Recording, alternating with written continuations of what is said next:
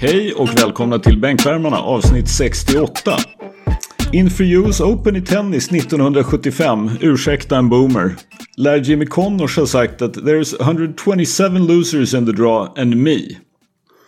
Det slutade med att Jimmy Connors förlorade US Open-finalen i tre raka set mot spanska grusspecialisten Manuel Orantes som där och då vann sin enda Grand Slam-titel. Det är nu inte bara i idrottsvärlden vi är fixerade vid vinnare och förlorare.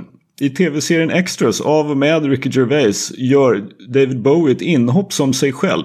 Ricky Gervais spelar en statist som är på en pub där David Bowie är och försöker naturligtvis snacka med David Bowie.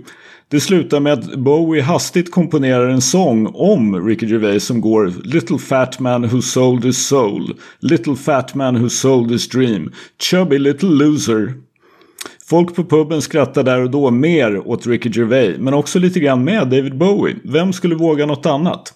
Ricky Gervais lär i en mailväxling sagt åt Bowie att skaffa sig ett jobb varpå Bowie svarade I have one, I'm a certified rock'n'roll god.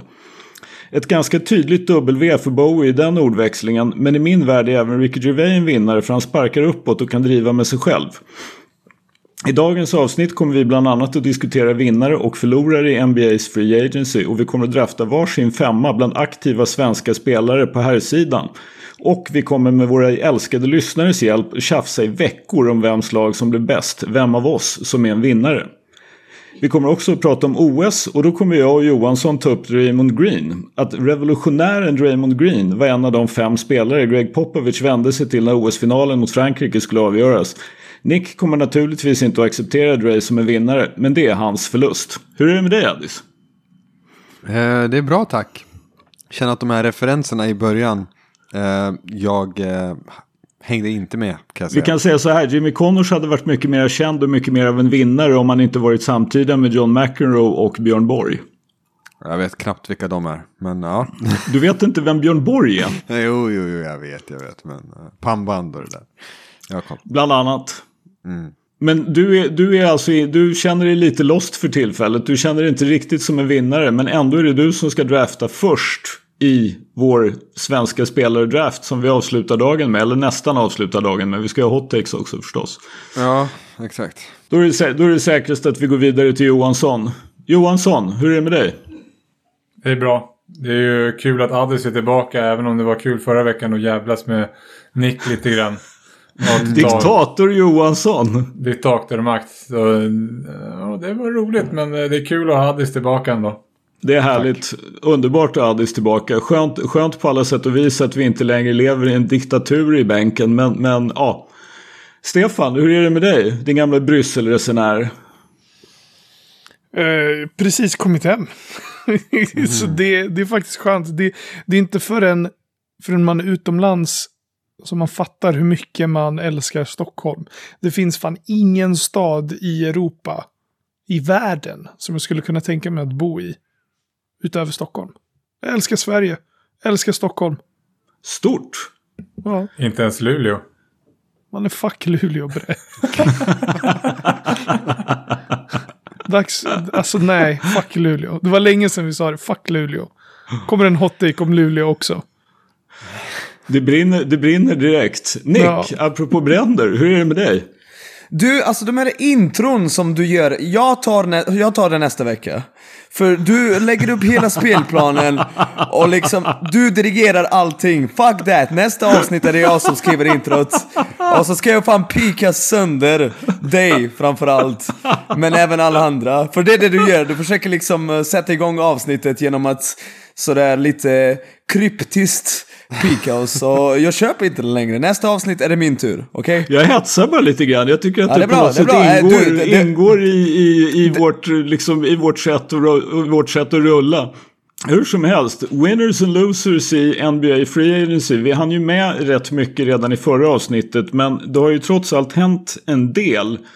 Eh, Stefan kände sig som att han ville komma springande i mitten. Men Nick, du är ju 100% uppdaterad på NBA Free Agency. Har du några winners and losers? Uh, losers. Jag måste ändå ta uh, vad heter han, David Griffin. Jag har stört mig på honom väldigt länge. För att, eftersom han är tights med Adrian Wojnarowski och liksom likar saker så har Woj alltid så åh men den där mannen är ju ett geni, åh jävlar vad han vinner alla trades. Han är ju, alltså, vad har hänt med New Orleans Pelicans? De, de hade ju Anthony Davis eh, och så tradade de bort honom och alla så oh, jävlar vad de fick mycket. Vad har de fått tillbaka?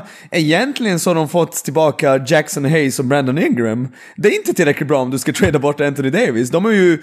Och så har de några slitna picks som eh, Lakers ändå inte vill ha.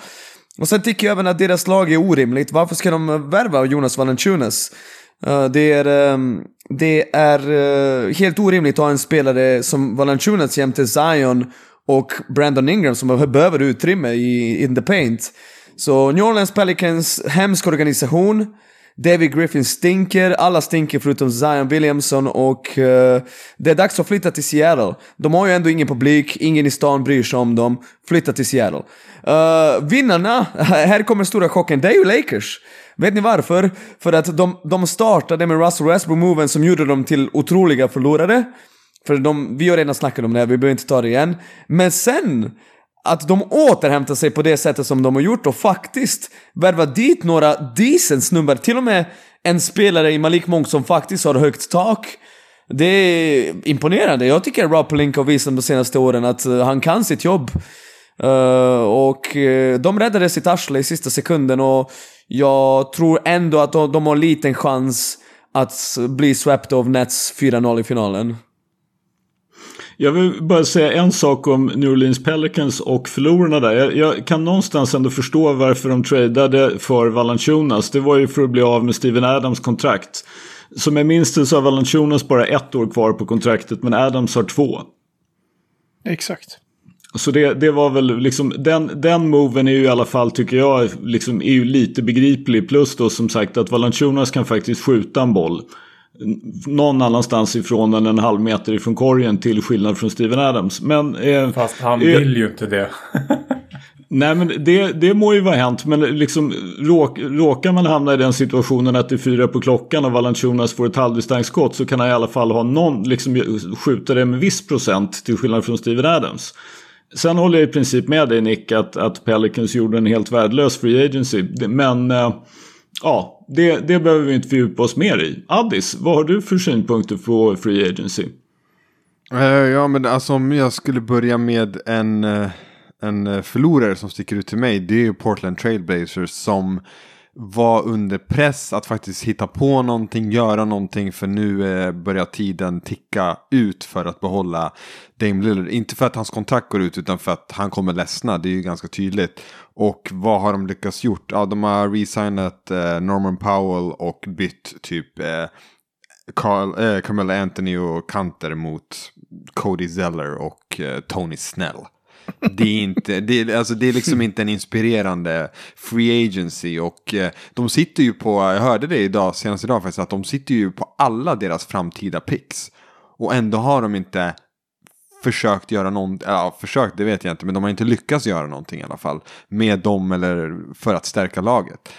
Så Mm. att eh, det är en förlorare för mig, jag, jag ser det inte. Sen en till förlorare jag bara vill ta upp, det är ju Schröder såklart som sitter vid telefonen och eh, fortfarande väntar. Jag undrar vart, vart och eh, hur mycket han kommer få efter att ha tackat nej till, vad var det 80?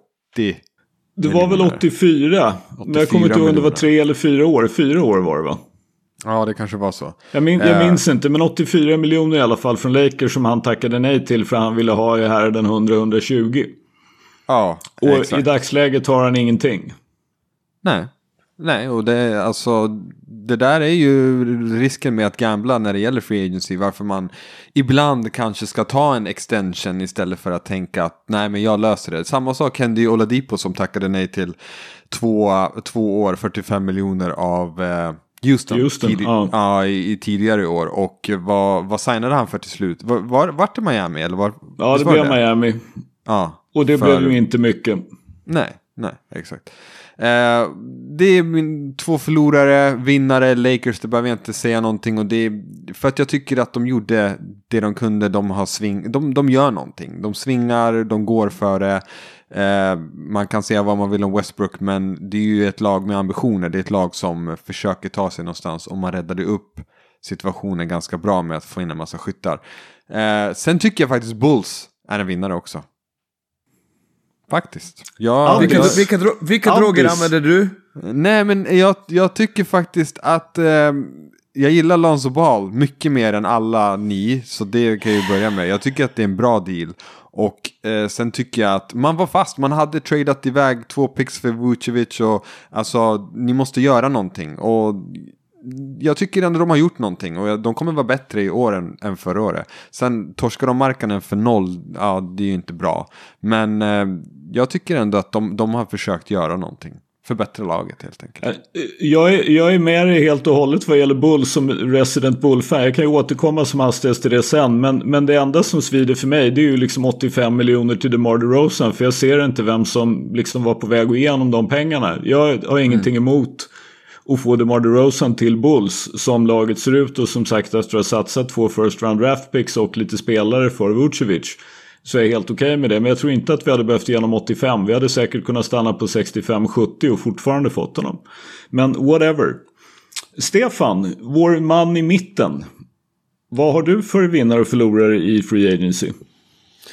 Vår man i mitten. Ja, det var länge sedan jag var i mitten, men jag uppskattar det ändå. Det, det är skönt och varmt här i mitten när man är mellan er allihopa. Men... Ehm, eh, Eh, förlorare, jag vill, jag vill ju säga Lakers, för det räcker med att du ställer upp ett zonförsvar mot, mot det där laget så kommer de inte kunna göra något. Så kommer de åka ut i conference semifinals. Men... ehm, eh, om, om vi ska välja en vinnare. Alltså jag gillar, jag gillar, jag gillar ju såklart allt New York Knicks har gjort.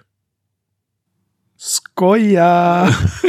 Jag, jag och Addis bara båda två drog efter andan där. What the fuck? Nej, den riktiga vinnaren i Free Agency, det är ju San Antonio Spurs. Addis, mu- muta han. men, men om vi ska vara Du, seriösa. Hutchinson, Hutchinson. Om, om vi ska vara seriösa. Inte Miami Heat. Inte Miami Heat. Nej, nej, nej, inte Miami Heat. Miami Bra, Heat har gjort tack. det bra ifrån sig, men de har inte gjort absolut bäst ifrån sig. Eh, jag gillar Jeff Green till Denver Nuggets. För Jeff Green, han var en av deras bästa försvarsspelare förra året. Han kan ju som, som ni vet spela försvar på typ 1 till 5. Och jag gillar den här pickupen för han kommer bara kunna ja, ställa sig i, i hörnen och skjuta treor så kan Nikola liksom hjälpa honom med det. Men eh, en väldigt tacksam spelare att få för 5 miljoner per år. Han har skrivit på ett tvåårsavtal värt 10 millar. Så eh, och du får rätt mycket värde för pengarna där. Sen så tycker jag också om, eh, den här är ju sjuk, det vet jag att ni också tycker. Cameron Payne har ju kritat på nytt kontrakt med Phoenix Suns. Det är en riktigt bra deal. Ja, Det var en bra deal. ni- 19, 19 millar över tre år. Jävligt bra. Och det är jättekonstigt att han är typ deras mid-level exception. Men Karen fick 35 och Payne är ju bättre. Ja, och jag, ja, alltså, all eloge till Vem dem. sa Jag du fick inte. 35? Cameron Eh, Johnson. Nej, vad ja. heter, är han Indiana? Vad heter han? Herregud, jag blandade ihop dem med quarterbacken AJ Du menar Ty McCarron. McConnell? TJ Ja, McConnell. TJ TJ McConnell, exakt. men inte TJ. McCarron är quarterback. AJ McCarron quarterback. Ja, exakt. Han fick ju 35 för fyra år. Och jag fattar inte hur Cameron Payne är bättre. 19 över 3. Va? Jättekonstigt. Men eh, ja, alltså det kanske inte var någon marknad för honom, vad vet jag. Eller så tänkte han bara att eh, fan, jag vill ha stabilitet för första gången i, i min Exakt. karriär. Jag älskar Phoenix. Eh, jag vill krita på, jag vill vara här i minst tre år. Så. Men jag gillar den dealen jävligt mycket. TJ McConnell, det är ju alltså, pff, fan är det där för något? 35 millar för fyra år, va? Jättekonstigt. Han var ju för sig grym för Indiana faktiskt förra året när, när Brogdon gick ner och sådär. Men ja, whatever. Det- Alltså den där mannen, kan, han vet ju inte, om Ben Simmons inte vet hur man avslutar så vet ju TJ McConnell knappast det heller. Han ju kna- hur, hur många, du som gillar basketball reference, hur många avslut per match tar han? Eh, alltså han, han spelar ju begränsat med minuter, men jag har honom Ja, givetvis definitivt. framme. Han eh, Såklart du har. sköt typ sju skott per match. 8,6 poäng. Ja, på sju skott. Mm. Det- det Men är framförallt är han ju, har han ju då sju assist och två steals. Och det är väl det Ja, som det liksom har han. är... Alltså, så när det kommer, när det kommer till, eh, till eh, försvar så klar uppsida. Men Mm. han bidrar ju inte med så jättemycket offensivt om vi ska vara helt ärliga. Nej, jag, jag säger inte att jag tyckte att kontraktet Nej. var asbra, men jag, jag, med tanke på vad han visade i slutet på säsongen när Brogdon var nere så är jag inte jätteförvånad att de gav honom lite pengar. Men ja, ja. Och, Johan, så, ja, då är ännu mer. Ja. Ja, nej, det, det finns faktiskt två deals till som... eh, Eller så här, en deal och sen hur en, ett lag har agerat. Jag gillar också Michael Conley till Jazz. Han har resignat för 60 någonting millar på hur många år? Tre. Vet ni det? Tre? Ja. Jag gillar den dealen som fan för Utah Jazz. Och sen så... Måste jag faktiskt eh, stämma upp i hyll hyllningskören. Bulls. Det, det kanske sker någonting där. Eller så är det bara en reverse jinx, jag vet inte. Men det kanske händer något där just nu. Men, Det men, enda som jag tycker är lite konstigt. Det enda som jag tycker är lite konstigt. Det är att man har en backcourt som består av Zach Lavin och Lonzo Ball. Och så har man en eh, trög pansarvagn i mitten som heter Nikola Vucevic. Kommer det att funka? Jag är inte s- jättesäker på det. Kanske. Och ja, ja vi får se. Men eh, spontant så gillar jag det faktiskt. Mm, härligt att höra. Nu känner jag att, ledsen Johansson, nu måste jag ta den här. Du får komma sist på den här. För jag har, är chockad där. Nu kommer vi alla tro att Nick har invaderat min hjärna. Att jag är mutad eller någonting för att han eh, efter, efter intro, efter dagens intro och sånt där. Men jag tycker att den största vinnaren i Free Agency är ju Brooklyn Nets. Kevin Durant signar en extension. Ja, Patti. Världens Patti. bästa basketspelare signar en extension med Brooklyn Nets. Oh, Ja. oh. Perry Mills. Perry Mills. Blake Griffin. Och ja, alltså jag Ja. menar det, och, och då kan man väl utgå ifrån, det kommer inte jag ihåg, men visst är det så att även då Kyrie Irving har eh, han, har väl, han har väl någon player option i år eller hur det nu är, är det inte så? Minns jag helt fel då? Minns inte. Inte på rak arm. Men hur som helst så kan man i alla fall anta att om Durant signar en, en, eh, en förlängning så kommer Kyrie Irving att vara kvar och eh, James Harden har år kvar på kontraktet. Alltså du kan inte anta något med Irving, men eh, att han blir kvar. Ja, men han, han, har, han har option nästa säsong. Han har, kontrakt den här, han har kontrakt den här säsongen och sen har han player option nästa säsong. Och Mm. Harden är kvar den här också och har player option nästa säsong. Ja. Så de är ju alltså kvar då med Durant, Irving, Harden och Joe Harris. Plus att de då har kvar man signat Bruce Brown, Blake Griffin Claxton eh, också och Paddy Mills. Claxton alltså, så- har väl resignat? Eh, ja, jag vet inte riktigt, jag kommer inte ihåg hur det är med Claxton, men han, han eh, fick inte han sitt qualifying offer eller något sånt där. Jag kommer inte ihåg faktiskt. Men hur som helst, jag tycker att det är just det här att få Kevin Durant på fyra år till och att han är kvar betyder ju liksom att Brooklyn Nets kommer att vara relevanta i, i flera år till. Och jag Nick, när jag säger världens bästa basketspelare så för mig så finns det ingen jag hellre skulle ha i mitt lag i dagsläget än Kevin Durant. Så är det. Let's go baby, let's go baby. Eh, vad beträffar förlorare så har jag ju då en förlorare som ju, alltså Dallas Mavericks. Vad gjorde ni för någonting egentligen? Liksom, vad, vad hände för er? Reggie Bullock baby. Ja, men alltså det, det är ju ett vettigt kontrakt. Det, det är inte det. Men som man förstår det så har de ju missat på allt det här att de har försökt att hitta någon till som ska kunna hantera bollen förutom Luka. Tim Hardaway, eller? Ja, men han hanterar ju inte bollen. Han är viktig för dem. Alltså de, på något sätt har de signat runt, runt eh, vad ska man säga, in the edges så har de ju gjort det bra. Men de hade ju en möjlighet i år innan Lucas extension kickar in att liksom göra någonting och, och sen då bara signa Luka med bird rights och liksom luxury tax och allt vad det nu är. Vilket du behöver om du ska vinna en titel. Nu nästa säsong så kommer de inte att kunna göra det därför att de måste ta hand om Luka Doncic. Så då har de, liksom, det sista året de hade verkligen chansen att göra någonting. Nästa år så kommer de i princip vara tvungna att hoppas att de kan dumpa Porzingis på någon. Och det, ja, i don't know. Jag, ty jag tycker att det känns som lost opportunity för dem. Det finns ju andra som Pelicans är ju, håller jag helt med Nick, att de obegripligt och förstår riktigt vad, vad det är de är ute efter och vad de försöker göra överhuvudtaget. Det går inte alls att förstå. Sen då vad, vad det gäller mitt älskade Chicago Bulls. Jag hänger ju på gärdsgården någonstans men, men har bestämt mig för att välja glädjen och se glaset som halvfullt och tycka att det är som Addi säger helt rätt att gå efter någonting när man ändå har dumpat de picks man har. Och man har, i den, man har den situationen med Lauri Markkanen att han har ju fått ett qualifying offer så Chicago har förlorat honom alltså inte för någonting utan han kan ju vara involverad i trades eller då någon sign and trade någonstans eller en extension. Det ryktas ju faktiskt om att Pelicans vill ha Lowry. Det pratades ju länge om att man skulle trada Lowry mot Lonzo Ball. Och det pratas ju om då att eh, Pelicans är beredda att göra någonting och de har någon form av trade exception efter Lonzo Ball om jag inte missminner mig. Så de kan ju få in honom. Och då kan man ju tänka sig att kanske då Chicago vill ha en pick eller två. God knows, men det kan vi ju behöva. Men jag tror faktiskt att det finns utsikter att få saker och ting att funka hyggligt i... Eller jag tror så här. Chicago Bulls kommer att vara bra offensivt. Sen är det bara frågan om vi kan lösa defensiven. Henrik Johansson. Din tur. Är det nu dags att ta upp vilken fantastisk free agency Spurs har haft? Eller har du något annat? Ja, jag tänkte dra några vinnare. Vi har en vinnare i Patty Mills. Bästa Patty mm. Mills. Som ändå får gå chansen att jaga en titel. Uh, vi har en vinnare i, i Rudy Gay som också har en chans att vinna en titel.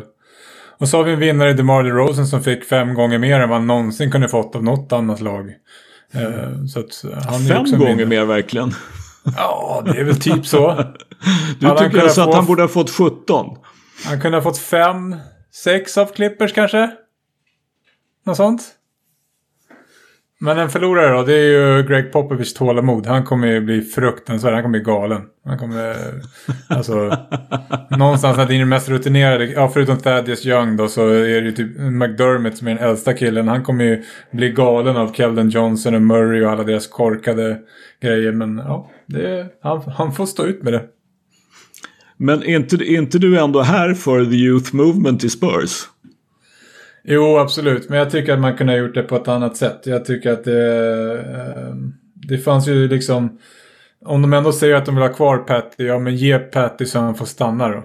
Alltså på något sätt. Eh, jag hade hellre tagit en flyer på en sign and trade med Roddy Rosen mot eh, Lauri Markkanen och tagit en chans på det än att få, ursäkta, Thaddeus Young. Eller alltså, jag tycker mm. att det finns andra sätt att göra det. Jag, jag förespråkar absolut att vi går in med de unga och testar chansen. Det är bara att... Det känns som att, som jag, jag har sagt det på Twitter, nu kommer Popovic göra sitt bästa coachår någonsin. De kommer vinna 30 plus matcher. Och så kommer vi få elfte picket som de kommer välja någon okänd snubbe med. det är! Liksom, det, Ja men typ. Alltså nu såg jag lite highlights idag som Addis berättade om. Och så bara. Ja kanske. Ah, han och Vasell. Va? oh, det kanske. Ja. Och så bara nej. Du är dum i huvudet som tänker så. Alltså det, det är någonstans där. Han, Vasell och Keldon Johnson. Oj, oj, oj. Ja men sen är det så här. Har du ju. Alltså mellan, jag inte, mellanspelaren nummer ett, Derek White. Det är liksom, det är ju han som är nästan är bäst betald i laget nu. Mm. Tragiskt. Mm. Ja, Men jag kan tala om eh, för dig att du, du, du kommer snabbt att lära dig att älska Thad Young. Det är i alla fall någon form av tröst för dig. Ja, go Nets go. Eller vad sa jag? mm. Go Nets go. Alltså, är, är, du, har du något mer att tillägga Johansson? Nej. Nej, okej. Okay. Absolut jag, inte. Jag, jag, vill bara, jag vill bara dra in den här innan vi går vidare till nästa segment. Nick gillar alltså värvningen av Trevor Ariza, Wayne Ellington, Kent Bazemore, Carmelo Anthony, Malik Monk och Kendrick Nunn. Fy fan vad deppigt. Uh, du, jag behöver de här 20 sekunderna som jag fick förra avsnittet. Kan jag få Varsågod. 20 sekunder då bara? Ja, när, alltså, du, när, när, när du fick den där i nyllet så får du 20 sekunder. Okej, okay. vi måste snacka om Chicago Bulls för att det där är precis som Miami Heat. Miami Heat, yes, de har blivit bättre. Chicago har blivit bättre, men vad är liksom det slutgiltiga planen? De kommer trada bort Zach Lavin för någon. När de har tradat bort Zach Lavin, de har fått något tillbaka, då kan vi utvärdera. Just nu ser du inte hur det här kommer funka. Jag tror i och för sig inte alls att planen är att träda bort Jack Lavin. Utan Nej. planen var ju snarare att få honom att stanna och försöka göra dem så pass konkurrenskraftiga som möjligt. Liksom på kort sikt så att han ska Sexa vilja stanna. East som bäst. Sexa Och, East ja, som det är bäst. mycket möjligt, men det är bättre än förra året. Och framförallt är det ju så att uppenbarligen har ju då Kanishevas lyckats övertyga Bulls ägare att satsa lite pengar. 85 miljoner till DeRozan, det, det skojar du inte bort i, i fråga om att satsa pengar. Hur som helst, eh, vi tänkte bara som hastigast dra en liten eh, liksom avsluta då det faktum att USA tog hem OS genom att slå Frankrike i finalen och vi kan ju också konstatera att herrarna då lyckades ta hem guldet, kanske lite ifrågasatta på förhand. Damerna var ju helt överlägsna, där finns det faktiskt inte så mycket att säga annat än att USA fortfarande reigns supreme på, i, på vad beträffar dambasketsidan. Men på herrsidan, Johansson, jag har en känsla av att du är den av oss som har sett OS mest. Ja, då vill jag säga att näst bästa spelaren i världen är ju Patty Mills. Ehm, Det är ju helt 6000 uppenbart. poäng i sin NBA-karriär. Woho! Ja, upp med tröjan bara, upp med tröjan. Ja, men han, var ju, han, han hade ju onekligen en och annan match i OS som, som ju var, vad hade han, 42 pinnar i bronsmatchen, var det så? Japp. Japp. Nej, men eh, det som jag riktigt drar med mig för slutsatser. och Dels var det en riktigt rolig turnering. Jag tycker att det var riktigt bra basket. Ehm, det jag tar med mig är att Luka, Luka behöver en, en eh, rimrunner. När han spelar med. Alltså just nu har jag Porzingis. Och han behöver någon som kan liksom gå till ringkanten och fånga de där lobbarna. Han har ju ingen i Dallas. Den andra grejen som jag skulle säga så här. Jag är så fruktansvärt, men min, eh, min Nets-kille där, Kevin Durant. När han går till och säger så här. Vi har så här många spelare.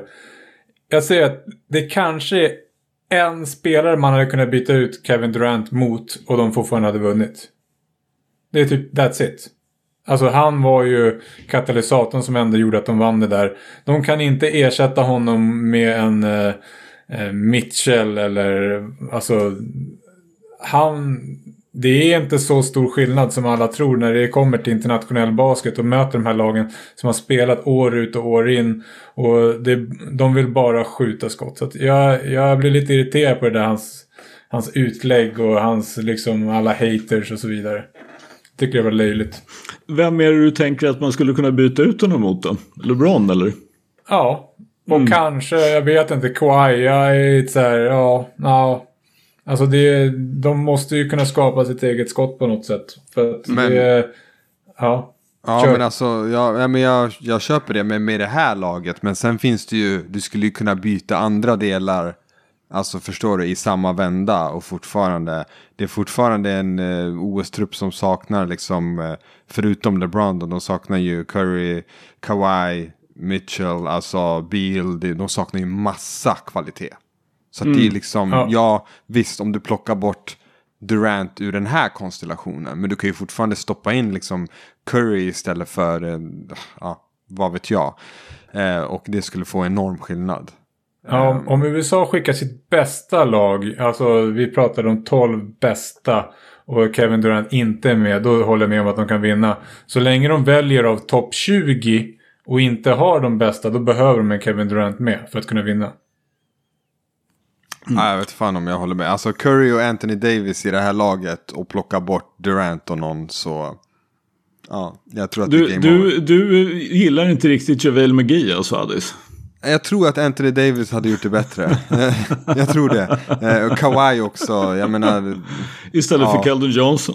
ja, Kawhi istället för honom. Det finns ju, Zion har vi inte ens pratat om. Eh, ja. Ja, men jag, håller, jag håller i princip med dig Johansson att, att eller som sagt vad- vilket ju framgår. Efter det slutspel Kevin Durant gjorde i NBA och den OS-turnering han gjorde så tycker jag faktiskt att och som det såg ut i slutet på förra säsongen så är det ju upp då till bevis för LeBron om han fortfarande är bäst. Han ska ju förbi Giannis också men Giannis spelar ju inte för USA så ja. Eh, är det någon mer som har något att säga om OS? Eh, jag vill bara lägga till att det finns fem spelare tror jag, om jag minns rätt, som har vunnit två OS-medaljer och tre championships. Vi pratar Jordan, Pippen, nu minns jag inte på rak arm vilka de två andra var. Sen är det Draymond Green. Kommentarer på Sue, det? Sue Bird. Nej, men om vi pratar män, så Bird har väl vunnit hur mycket som helst, eller på att säga. Ja, men hon har inte vunnit en NBA-titel. Nej, nej, precis. En WNBA-titel kanske hon har vunnit, men inte Ja. en NBA-titel. Ehm, Alltså kan du fatta att Draymond Green har NBA-titlar och OS i plural? ja?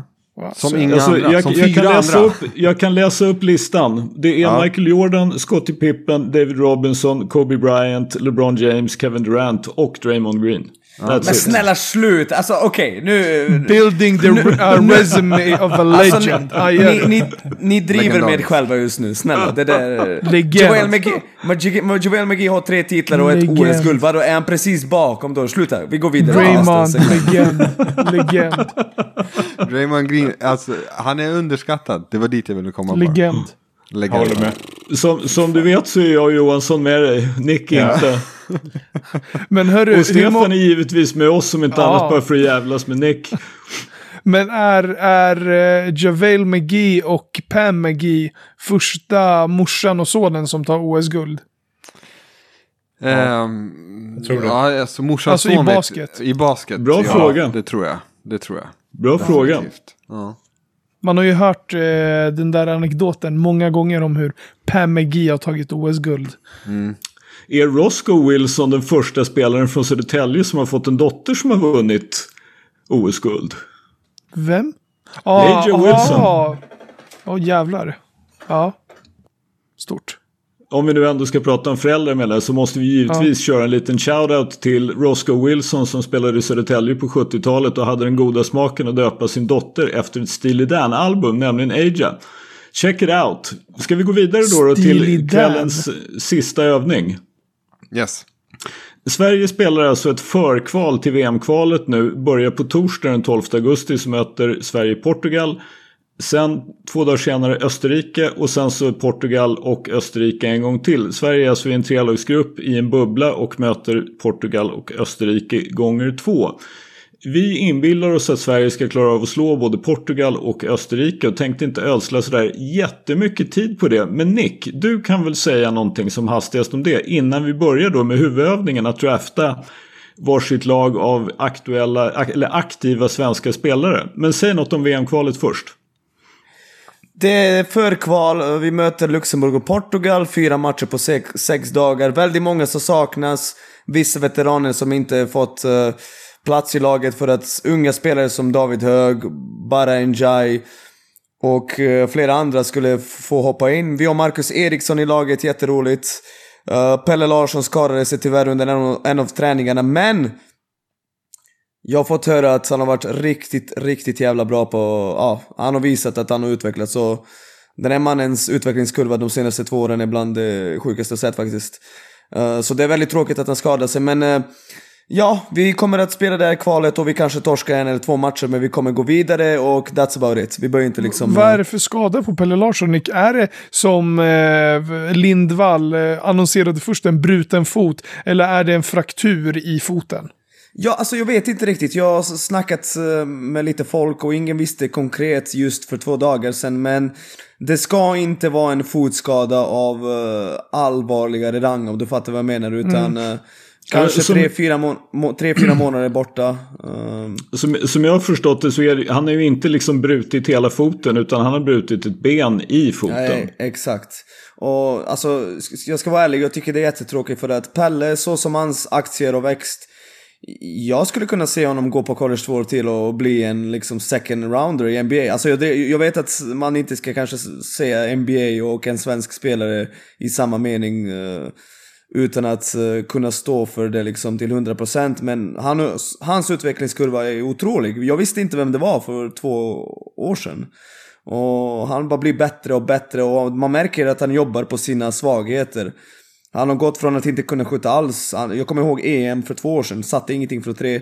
Och nu sköt han typ 45% på treor i college. Så grym grabb, jag hoppas att han kommer tillbaka starkare någonsin och fortsätter utvecklas. Jag vill bara nämna som hastigast några spelare som trots allt är med så att man ser att alltså då, förutom Marcus Eriksson så är Chris Serapovic med, Simon Birgander, Tobias Borg, Nick Spires, Alexander Lindqvist och Ludde Håkansson. Så det, det är ju inte så att vi ställer upp med ett, ett, eh, ett skräplandslag utan det är ändå liksom, det finns ett antal ganska bra spelare där. Visst finns det spelare som skulle ha kunnat gått in som inte är med men vi, vi skickar ju inte liksom ett C-landslag.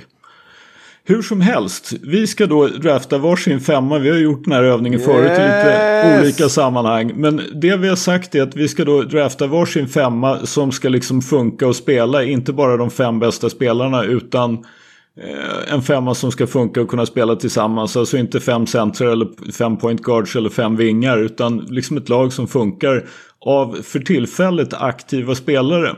Och vi kommer att göra det i vanlig ordning i en Snake Draft. Där vi, Nick, eftersom han tyckte att han var överlägset bäst i det här, och det borde han ju också vara, eh, erbjöd sig att gå sist. Så vi har kommit fram till att Addis är den som börjar. Du har You're on the clock Addis med draft pick number one. Mm, och vad sa ni, visst är det en Snake Draft igen då? Ja. Yes. Ja, vad deppigt att ha första picken i en Snake Draft. Äh, men sluta nu. Ja, det är som att vara sist. ja, fy fan. Men i alla fall, jag gör det här eh, kortfattat. Jag kommer att ta Jonas Jerebko och det gör jag faktiskt utan att eh, tveka överhuvudtaget. Jag, jag stoppar in honom i laget. Inte, okay. inte, spelat, inte spelat sedan december. Perfekt. Okej. Okay. Vem antecknar? Vem antecknar? Vilat sig i form. Ja, Just det. Jag, jag antecknar. Johansson har Excel-arket framme.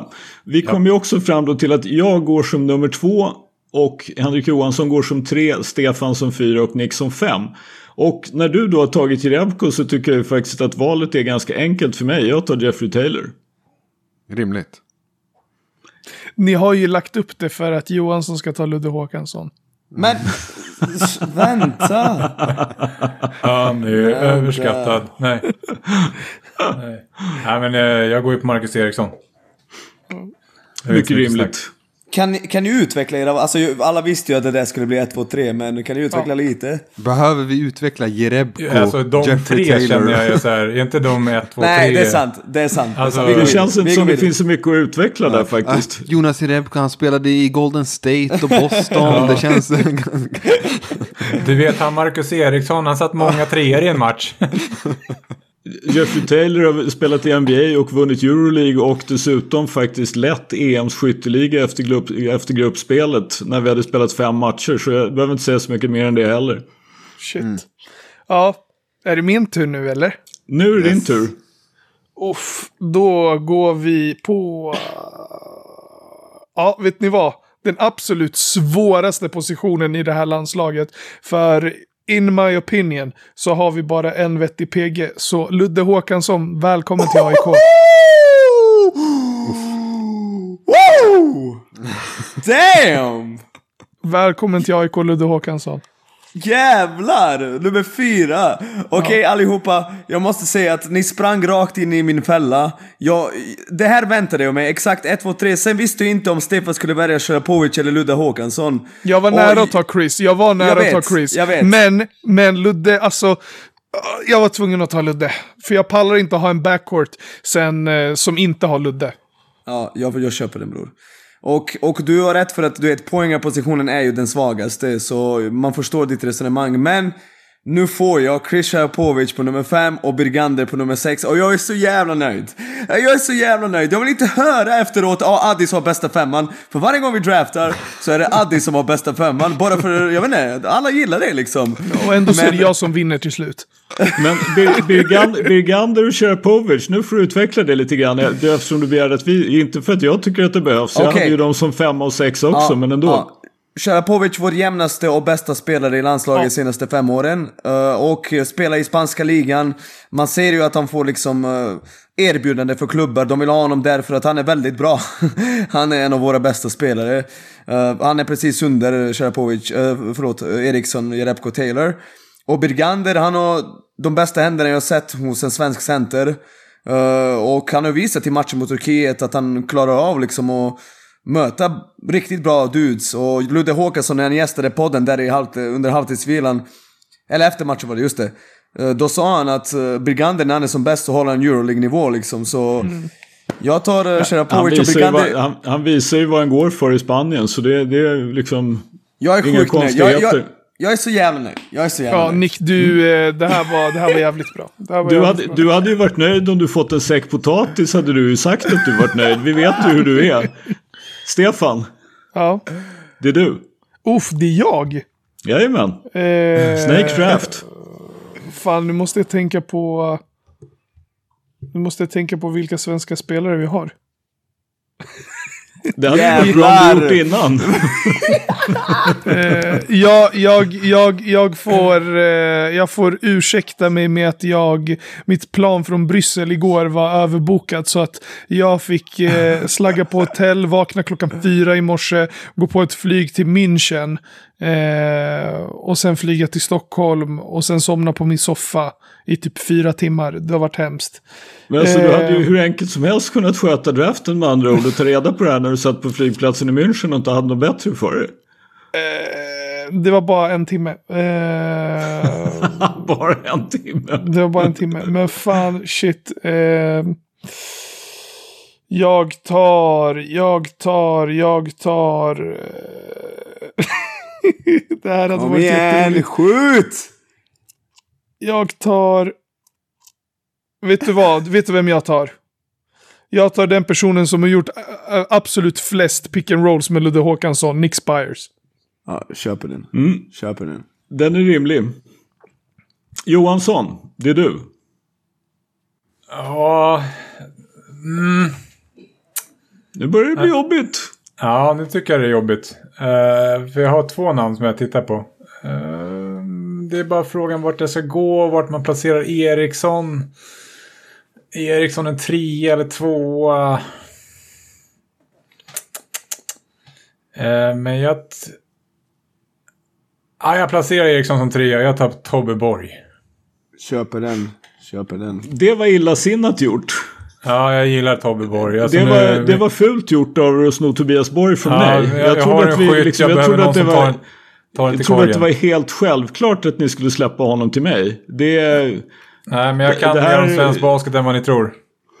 det här är, är, är väldigt, väldigt illa för mig faktiskt måste jag säga. Det här förstör ju precis hela min, hela min plan och hela min uppbyggnad på allt när du gör sådär Johansson. Helvete Eh, vem mår Må, bra. må dina solceller drabbas av eh, mögel. Eh, hur som helst, jag får ju finna mig väldigt snabbt och kontra då med att ta Will McGarity. Det var den jag hade som nummer två. Ja. Eh, Bra val. Stretch ut golvet. Ja, men det är liksom vad han funkar som center. Liksom du, du kan, man kan spela honom som center i försvar. Det, det är min plan. Och sen så är det då jag igen. Och då är ju lite grann... Nej, Nej. det är det ju inte. Nej, det är jag. det är Addis. Det Det är Addis. Det är Nimmerstam. Men det Ta var ett det bra lugnt. försök av mig. Okej, fan nu har ju ni plockat alla centra. Jag tror jag kommer spela Jerebko som femma. Det var ju du, du sa ju du bara det är skitlätt med centrar. Jag har ju många sådana- det var det du Men- sa innan. ni har Point ju guard och centrar. eh, Det var ju inga problem. jo, men ni har ju tagit de som jag vill ha. Så. Eh, men, men, men, vad gör jag nu då? Då, hörni, jag behöver en PG och när jag tittar här, det kanske är lite kontroversiellt. Jag kommer plocka pansar. What? Eh, och That's crazy. sen jag har en till va? Yes. Ja, nu har du en till. Ja, då chansar jag faktiskt på. Ge mig. Vet du vad? Ge mig. Ge mig Nu kommer Viktor Uppsala Gaddefors. här. Ge mig? Viktor Gaddefors. Ja, jag visste det. Där kom Jag den. visste det. Ja, den, var, den, den tycker jag inte är oväntad. Eh, nej, men jag... MVP SPL. Ja, jag tycker faktiskt att det är en av eh, de bästa försvararna Sverige har på vingen. Eh, och jag börjar se att det sinar bland folk som kan spela small forward för mig. Så Fullt att jag, rimligt. jag måste plocka honom. Damn boy! Yes. Jag, jag sitter ju lite grann så illa till nu här att jag sitter och funderar på vem jag ska ta som point guard. Och alltså jag borde ju ta Thomas Massamba eftersom det är en, en, en gammal favorit. Men ärligt talat så tycker jag att Thomas är en liten, liten aning gammal nu för tiden för att, för att bli draftad så här högt som point guard i i ett svenskt landslag. Och jag hade ju tänkt att Tobbe, Tobbe Borg skulle jag ju kunna fuska med som point guard om det nu hade varit så att han varit tillgänglig. Så det var liksom lite grann det som var min plan. Men då kommer jag att ta den absolut största chocken här för alla nu som point guard. Bara enjoy. Jag kommer att ta Jonathan Persson. Aha. Jävlar! Jonte Persson! Han är med på min lista. Han är med på min lista. Ja, men jag, behöver, jag behöver en point guard. Jag känner jag vill, jag vill inte hamna i den situationen att helt plötsligt. Jag funderade på om jag skulle ta honom eller Tim Skyberg. Men jag tar faktiskt Jonte. För jag tycker att det är, Han har på något sätt hamnat lite grann i något konstigt bakvatten. Jonte är jävligt bra. Så är det. Så jag Vem tar är det som väljer nu? Nu är det Johansson.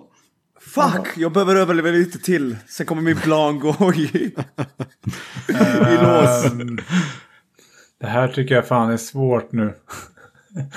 Ehm, mm, jag sitter återigen och funderar på två stycken. Ta Pelle fan, jag- Larsson nu så att du dödar Nicks plan. Ja, precis. Nej, men jag, jag tror faktiskt att jag, jag, är- jag är fan av den här killen. Det är eh, Denzel Andersson. Fan. Bra Jag tycker jag, tycker Jag gillar och honom. Bra väntade val. på honom. Applåder, applåder. Jag är förvånad Ja. att han överlevde så här länge faktiskt. Jag satt och väntade på honom. Nej, Fan jag, jag, Johansson. jag gillar hans game alltså.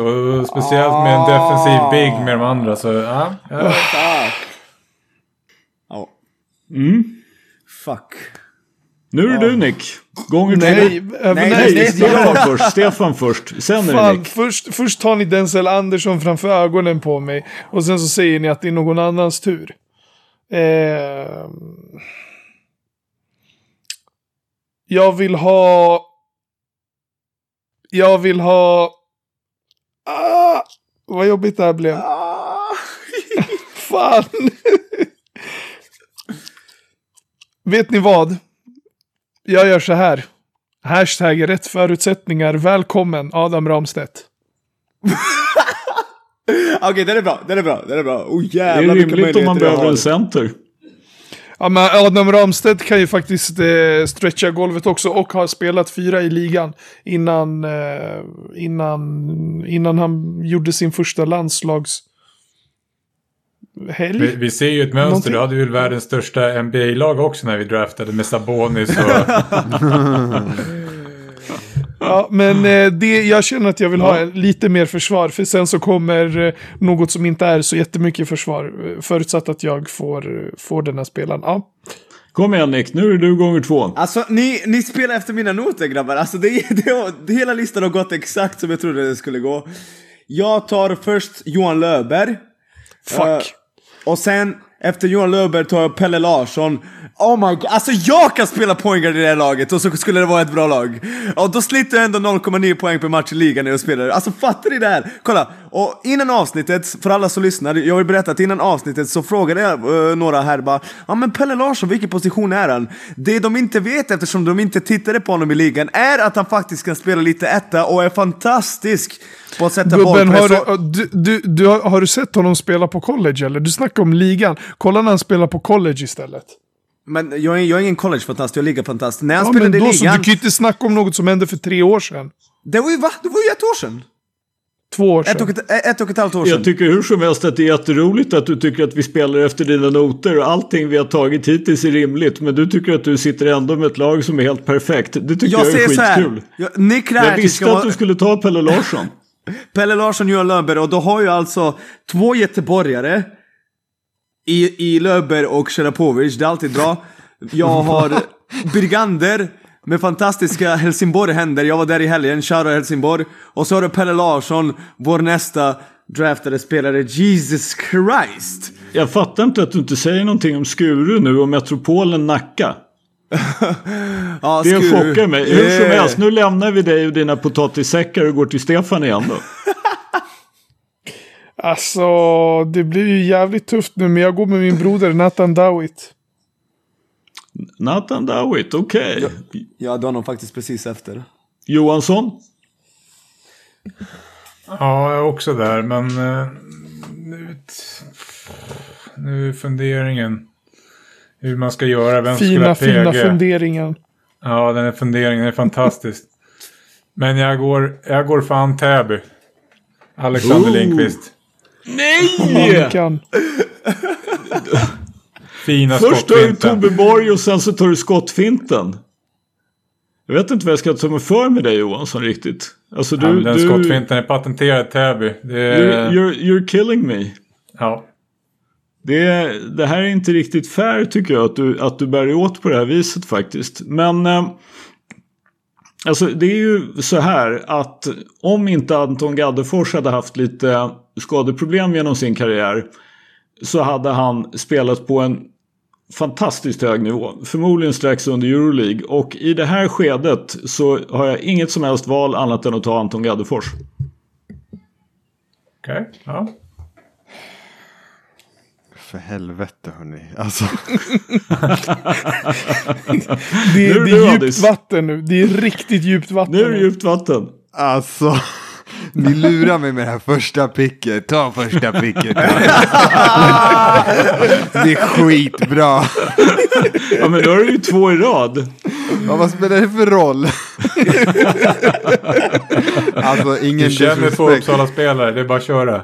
Ja, mm, Manos, manos, Ja. manos. Manos, manos. Alltså jag, eh, det här, nu är det jättesvårt. Jag kommer nog ta... David Höök.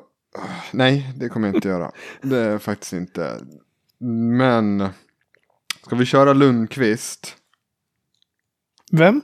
Olle Lundqvist. Jaha. Det är Va? inte fel. Det är inte fel. Det måste jag göra känner jag. Jag behöver ju en till vinge. Eh, nu är problemet, jag behöver en till stor bredvid Jerebko. Vill du trada? Ta ett bra step. Allo, allo, vi kan göra trade sen. Den här gången kan vi trada om folk kommer överens om Alltså något. jag behöver trades. Men eh, för att jag, alltså, jag vet inte hur grejen Carl är. Lindström finns. Ja, jag... alltså, Vad det, är säger ingen... det är inte ett Eh, skämt hörru, alltså. Ja. Hörru, Addis, vad fan, kom igen. Du vet vem du har i Uppsala. Jaha. Ta han. Ta han. Nej, vet, vet du vad jag kommer göra? Vi gör så här, skitsamma. Jag kommer inte ta Engström. Eh, även om jag, jag tänker säga, spela Jerebko femma. Och så kör vi, vi kör Axel som fyra. Fuck it. Axel Nordström. Wow. Yes, sir. Jävlar. Jag är klar. Då är det alltså jag. Ja. Och då är ju Ja. frågan faktiskt. Alltså jag, sitter, jag sitter och väljer mellan två. Men jag tar ju naturligtvis en gammal försvarsfantom och favorit som heter Eric Rush. Ja, Han, är, han är bra. Han är bra. han var med på. Jag kan, jag, kan, jag, kan, jag kan switcha på allt. Jaha. Ja. Jaha. Ja. Johansson, varsågod. Eh, jag tror faktiskt att jag går en eh, gammal stabil Thomas Massamba. Det är bra. Det är bra. Det gör jag. Det är inte fel i det här läget. Stefan. Kalis Lloyd. Vi sa ju inte att det bara skulle vara killar. Nej, men... Jo, vi har sagt helst. Eh, Jo, det sa fan, vi faktiskt. Det var alltså precis det vi sa. eh, Jag, jag, har, alltså jag har ingen aning. Vill du att vi ska ge dig några förslag? Elijah är Hashtag där in ute. progress. ja, jag, jag, jag tar Eli- Nej, jag tar fan inte Elijah Clarence. Eh, vänta, låt mig, låt mig tänka. Jag kan, jag kan själv. Jag kan själv, okej? Jag kan själv. Eh, eh, Frågan är bara när. ja, nej men... Eh, ge, mig, ge, mig, ge mig lite tid. Ge mig lite tid. One eternity later. Nej, vet du vad? Vet du vad? Vet du vad? Jag gör så här. Jag lever och jag dör med höken. Så jag kör David Höök. Skiter i. Nice. Nice. Lever och jag dör med höken. Det kommer ju Max Wik och hela Luleå jubla åt. Älskar David Höök. David Höök vet att jag har varit på David Höök-båten sedan 2000, vadå? 17? Nu har vi honom. Nick. Ta oss i mål. Alltså sista platsen, det stod mellan Martin Palmblad och Adam Rönnqvist. Tar jag Palmblad så får jag en veteran, en kapten, en respekterad lirare som kan spela bra försvar på vem som helst. Eh, inte vem som helst, men ni fattar, han är väldigt duktig defensivt. Adam Rönnqvist är, alltså, jag tycker att hans försvar är kriminellt dåligt. Men hans anfall är jävligt underskattat. Han, duktig passare, jättebra bollkontroll. Han skjuter 45% på tre varje säsong. Lite internationellt skulle jag ha lite problem för att han är liten, men vi täcker upp med Pelle Larsson. Förstår ni? Vi har en defensivt S. Jag tar Adam Rönnqvist och stänger det här kapitlet. Grabbar, it's all over. Ni vet när Kenny Smith säger “It's over, let's go home”. Det är över. Vi går hem. Okej. På grund av Rönnqvist. Jag tar Rönnqvist, ja. Ja, grattis. Grattis Nick. Tack. Tack. Men, eh, ja. Får vi höra lagen nu Johan, som du som har dem? Gå Okej, i, i den ordning vi, vi draftade. Eh, Addis har då Pansar, Olle Lundqvist, eh, Viktor Gaddefors, Axel Nordström och Jonas Jerebko. Skölden har Jonathan Persson, Eric Rush, Taylor, Anton Gaddefors och eh, McGardy. Jag har Massamba, Tobias Borg, Marcus Eriksson, Alexander Lindqvist och Denzel Andersson. Stefan har Ludde Håkansson, David, Höök, Ramstedt och Spires. Spires. Spires. Ja. Ja, jag sa så första gången Jag vet, avsnitt sedan. jag vet. Måste fortsätta med det. Och sen har vi då Nick som har eh, Rönnqvist, Larsson, Sharapovic, Lövberg Nej. och Bergander. Först Löfberg, sen Sharapovic som fyra och Brigander som fan. Ja, det är sak samma. Det är... Ja, Ja, så där har vi bra. lagen. Då får vi helt enkelt skicka ut omröstningar här. Jag kommer inte ihåg hur vi bara så åt sist för att göra det här. När vi, har vi någonsin skickat ut fem lag? Omröstningar på Twitter tål ju bara fyra. Men det får vi lösa på ett eller annat sätt. Det är inte värre än så. Fan, jag gillar Nej. Johanssons lag alltså. Jag måste fråga, är ni nöjda? För jag, jag är inte nöjd med mitt lag. Men Nej. är ni Jag, nöjda? blev inte, jag, blev, jag var inte så jävla nöjd när jag hörde Johan. Jag tycker också Johan, Johansson, berä, uh, ditt lag igen. Massamba, Borg, Eriksson, Lindqvist, Denzel Andersson. Okej, det, det är ett bra lag men... eh, Det är bra lag. Alla har ju en big omöjligt. three. Alla har ju tre bra, alltså tre riktigt bra spelare. Ja, Eller åtminstone två. två. Ja. Har verkligen Addis tre? Ja, alltså, jag har Jerebko. Det är ju liksom... Jag Du har spelar ut Jerebko, det. Det, det är har- ganska tungt. Ja, och Det är sen tungt, har det är jag. SPLs MVP och sen har jag pansar. Liksom. Sen, eh, sen var det svårt Sen att har fylla ut det där. Pansar-Axel också. Eh, Pansar och pansaraxel. Ja men grejen är, jag tycker inte Ax, eh, jag, jag tror att eh, som fyra liksom nu, jag förstår, Luleå har varit en lite sämre fit och sådär, men jag, jag räknar liksom Axel på Uppsala nivå. Ehm, och då tycker jag inte att det är så jävla konstigt. Jag ärligt. tycker att det hade varit vettigare att ta Elias Desport som fyra där. Nej. Så du skulle Varför? inte välja Ökvist som coach då, Addis? Har, nej, det hade jag inte heller gjort faktiskt. Eh, det hade jag inte gjort. Ja, men vad tar vi för coacher då? Vedran, tack. Vedran i Oh! Belgien. ja, ja. Är det Ja, någon det som vill- trada? Är det någon som vill trada något? Ja, det beror på vad du har på tradeblocket. Ja. Okej, okej, vänta, låt mig, låt mig ta en titt. Låt mig ta en Du titt. som var så nöjd med ditt lag. Du var ju skitnöjd. Du ville ju inte trada någonting. Vi hade ju liksom spelat Nej, det här nej. precis Sen som du blev han ville. rädd för Johansson. Ja, Johanssons lag är bra, men samtidigt... ja, Mycket hänger på, liksom... Denzel, kan han spela försvar på centrar i ligan? Ja, internationellt. Det gick lite sådär. Linkvist spelade på Island förra året. Och Massamba liksom, ja, han är väl också på Island nu. Så Johansson. Du har, du har typ Ja. isländska allstars typ. Och så Ökvist, Ökvist självklar coach då. Ja, exakt. Johansson, Nej, vill du trada Ramstedt mot Denzel Andersson? Nej. Jag kan ta Ramstedt mot Lindqvist. Nej tack. Vänta, låt mig, låt mig titta på femmorna. Jag tror att jag har... eh, Hörni, det här blir ingen bra podd. Nu, nu, vi får ta traden Det nästa vecka. blir, det, blir, det blir inga trades. Vi får glömma Nej. det. Men, Okej, men jag måste vi bara fråga er, upp- innan vi går vidare. Ja. Eh, får jag bara fråga, det känns som att eh, ni gillar inte pansar. Jag får den känslan. Det är Nick som Ja. inte gillar pansar. Jag, jag, jag tycker att han... eh, Han, inte, han har fått mycket gratis i landslaget och jag tycker inte att han... eh, Ja. Han, Alltså, men han var ju- efter Håkansson och Borg tycker jag han känns given. Alltså. Ja, jag Nej. håller med. Som Jag skulle hellre ha Massamba på planen och en uh, pansar. Faktiskt. Och i en avgörande sekvens i eh, liksom EM-kvalmatch. Okej. Okej. Mm. Nick är också den enda av oss som är blockad av pansar på Twitter. Precis. Men inte, inte taket högre på pansar medan Massamba, där får du bara stabil defensiv PG. Ja, du får ju inte så mycket offensivt med Men samtidigt, Thomas. pansars golv är ju också bra mycket jävla lägre. För det kan ske mycket konstiga Exakt grejer. så. Eller vad man såg i senaste i alla fall. När, man, när det var de två som delar på det. Hur gammal är Melvin nu för tiden? Han är 21, så liksom han är inte ett barn längre. Utan... Han, Känns som att han har varit med i hundra år. Exakt. Han signade med Real när han var typ 15 och... Ja. Mm. AIK-produkten Melvin Pansar. Vi går vidare.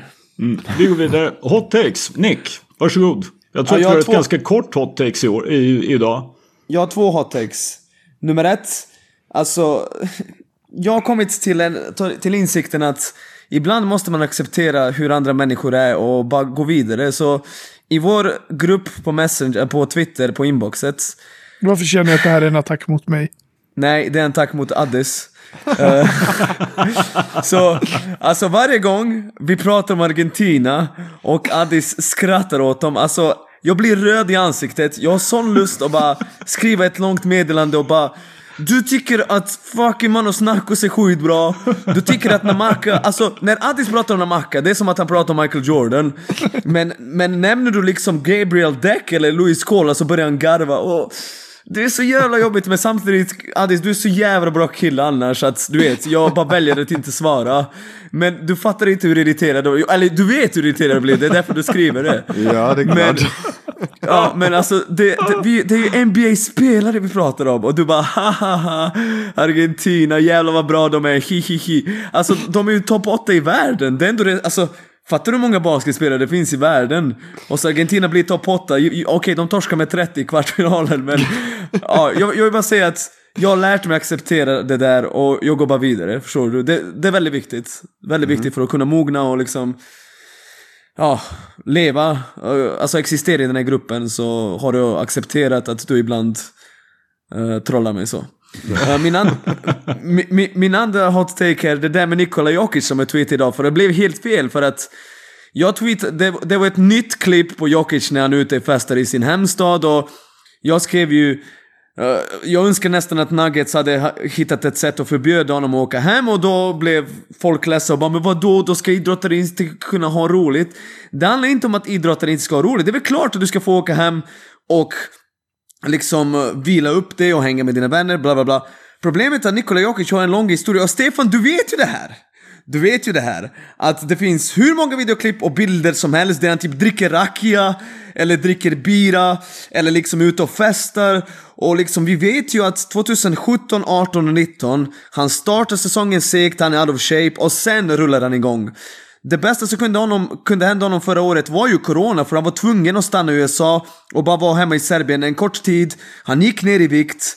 Han var jätteredo i bubblan, var fantastisk. Hela grundserien säsongen efter fantastisk och det är därför han är bra. Det är det jag menar att för Denver Nuggets hade det bästa varit att inte skicka hem honom i tre månader och hoppas att han tränar. För att Nikola Jokic, vem, vem ska han träna mot i Sombor, en stad på 30 000? Alltså, även om han kör individuellt liksom och joggar, han kommer aldrig få bra matchträningar mot sina boys liksom. Förstår du vad jag menar? Klart att han ska få festa, men det händer lite för ofta just i hans case. Det var det jag ville säga. Händer det för ofta eller har han bara råkat hamna eh, on tape för ofta? Men det är... Ja precis, han har råkat hamna, men han bryr sig inte. Du vet det där klippet i Kladiani, alltså Kladianitsa är ett ställe där man går till och hänger med gamlingar för att betta på fotboll och dricka bira. en spelhörna. En spelhörna, han drar till en spelhörna liksom och dricker bira med 70-åringar liksom. Jag blir nästan... okej, Hur charmigt som helst ju.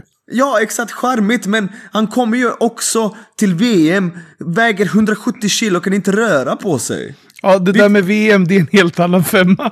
När det är landslagssommar, då ska du banne mig vara fit.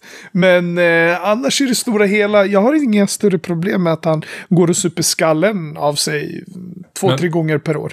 Men han såg väl inte ofitt ut? Alltså... Nej, han var bara hade gått berusad. upp 20 kilo. Utan han- han såg bara Nej, riktigt nej, jävla glad ut. Nej, så är det. Så är det. Jag tror, Lite- jag lite tror rund att under våra fötterna. värderingar skiljer sig här, eh, Nick, eftersom du inte dricker alkohol och jag i, inte tackar nej till alkohol. Fast Eh, Stefan, du var less på honom förra året också. Det kommer jag Ja. ihåg. Vi snackade Ja. om det. Du sa... Det Men det var, det var posttraumatisk stress från VM. Jag ville ha medalj. Det enda Nick ångrar är att han inte var där och kunde utmana honom på 21. Ja, jag, hade- jag hade vunnit i alla fall 2-4. 2-4. Stefan, det är du som har hot takes att komma med också. Jag Ja. avstod dagens hot takes och det tror jag både Addis och Johansson gör också. Ja, nej, men eh, de senaste dagarna har det ju eh, poppat upp ett eh, rykte. Jag vet ju inte, det är ju Nick som är journalisten bland oss, så han kan ju säkert bekräfta sanningshalten i det här. Men Maciej Lampe till BC Luleå. Det är ju något som vi har pratat om i gruppchatten också för den delen. Och eh, jag tror att det var Addis eller om det var Nick som sa att han kommer ju eh, käka kakor under korgen och eh, någon annan skrev något annat och sådär. Och eh, rent kvalitetsmässigt, ja, vi har väl eh, antagligen inte eh, en bättre center i ligan just nu förutsatt att han skriver på, på B- för BC Luleå. Men jag är inte 110% säker på att Maciej Lampe är eh, en odelat positiv värvning. Jag är inte 100% säker på att det här kommer att flyga. För eh, den här snubben har ju varit utomlands i vadå? 20 år? Typ. När var han i Sverige sist? När han var 15, alltså Ja, 2000 typ. in, ja så ganska exakt 20 år sedan. Han har eh, inte sådär jättebra koll kanske på nivån ligan. Kan jag tänka mig. Han kanske kollar någon gång ibland. Men jag kan nästan lägga min, mina båda armar på att han inte följer ligan slaviskt. Den här gubben kommer att komma hit och notera att jag säger gubbe för han är under 35. Eh, även fast han är sjukt jävla fit. Eh, Han är faktiskt 36. 36 till och med. Ja, se där. Född f- 5 februari 1985. Jävlar, ja, fan vad tiden flyger. Men eh, tänk er att den här mannen då, som har tjänat eh, miljoner, kan man väl ändå påstå, eller hur Nick? Eh, ja, komfortabelt också. Te, vad sa du? komfortabelt också. Ja. Tänk att han ska åka upp till mörka, mörka Luleå när säsongen börjar. Och att han ska spela i en liga där han tror, antagligen kommer gå in med inställningen av att han är störst, bäst och vackrast. Och med all rätt. Men jag tror ändå att han kommer att vara sjukt frustrerad på plan. Och eh, jag tror ändå att han, eh, ko- så här, jag har hört av många av varandra oberoende källor att han eh, går in med en viss inställning eh, när han liksom tränar. Så eh, jag har väldigt svårt att se att han inte ska gå in med liknande inställning när han är uppe i Luleå. Eh, och jag tror bara att det här inte kommer bli en sådär superbra värvning. Alltså grejen är att det Luleå räknar med är nästan att allting runt omkring ska växa. Att intresset ska växa, att kanske hans lagkamrater växer av att han är där. Och Matti Lampe, om du tittar på vilka lag han har spelat i, du kommer se att han har spelat i flera topplag. Förstår du? På en väldigt hög nivå. Han har haft flerårskontrakt, det är ganska sällsynt typ. Eh, I alla fall nu för tiden. Men han har, var än han har spelat så har han varit liksom en viktig kugge och han har gjort det bra. Jag tror ändå det rör sig liksom om ett proffs och du vet, han snittar 11-7 i franska, franska högsta ligan. Du vet, när JJ Miller snittade 9-10 och kom till Borås så var han typ ostå bara ett år, förstår du? För så jag tror att Lampe kommer vara samma sak. Ingen kommer kunna hålla honom. Han är, han är så jädra stor och stark. Jag kommer ihåg när Kjellbom mötte honom i en träningsmatch 2013. Du kommer kanske ihåg det här i Skölden. Alltså Kjellbom såg ut som... Alltså han såg bara jättesvag ut för att Lampe är ett monster. Så jag tror att även om man kanske inte kommer upp dit och är jätteexalterad och vill vara vän med alla och vill slita ut sig på träningarna så tror jag att det där kommer ge dem ett jävla lyft både på och utanför planen. Ja, som sagt, spelmässigt, eh, ingen som helst tveksamheter. Det här är, det, det är liksom en, en spelare av rang. Eh, men ja, vi får se. Bra take, den är hot, den är het. Jag måste erkänna att jag, jag tror faktiskt att Lampe har eh, rätt bra koll ändå. Han har, eh, han, liksom, han har ju bra kontakter i Sverige. Han har varit hemma i princip varje år. Han har den här ungdomskuppen, Lampe Challenge. Han har kontakt med Jocke Samuelsson i Hammarby. Eh, som ju då så att säga var, var hans coach i ungdomsåren. Och som han, det är ju liksom egentligen själva anledningen med 99% sannolikhet till att Lampet Challenge finns. Och Lampe själv har ju för det mesta varit hemma till den här. Så jag tror faktiskt, och jag vet att han ju umgås med och känner en massa svenska spelare. Så jag, jag är rätt övertygad om att han har rätt bra koll och förstår rätt väl vad han skulle ge sig in på om han åker upp till Luleå. Sen vad han har för skäl till det här och varför han vill göra det, det, det vet jag inte. Men som sagt att det, att det är en, en, en högkvalitativ spelare som jag inbillar mig inte liksom skulle göra det här om man tyckte att han var slut. Det är ju inte Luleå man åker för att pensionera sig till. Utan han vill ju, i så fall om han vill komma tillbaka till Sverige så är det ju för att vinna en titel. Och han har ju ingen lust att liksom förstöra en, en väldigt, väldigt bra karriär på att åka upp till Luleå och stinka. Jag tror inte riktigt på din hot take, Stefan. Faktiskt. Jag tror att han kommer lösa det där om han hamnar i Luleå. Ja, det har du såklart all rätt att tro. Därmed är vi färdiga för idag. Eller? Ja, Vi är färdiga för idag. Tack för avsnitt 68. Ha det bra. Hej då! tja. Du har precis lyssnat på det... Nu får du hjälpa mig skölden. 68 avsnittet. Fan vad sjukt. 68 jävla avsnitt. Va? Vilka fan är som oss? 68 raka veckor. Det är vi och The Bold and the Beautiful som har hållit på så här länge. Ni vet vilka vi är, ni vet vart vi finns. Fortsätt lyssna. Sprid vårt gospel. Puss på er. Utan er inget oss. Och glöm aldrig att bänken aldrig ljuger.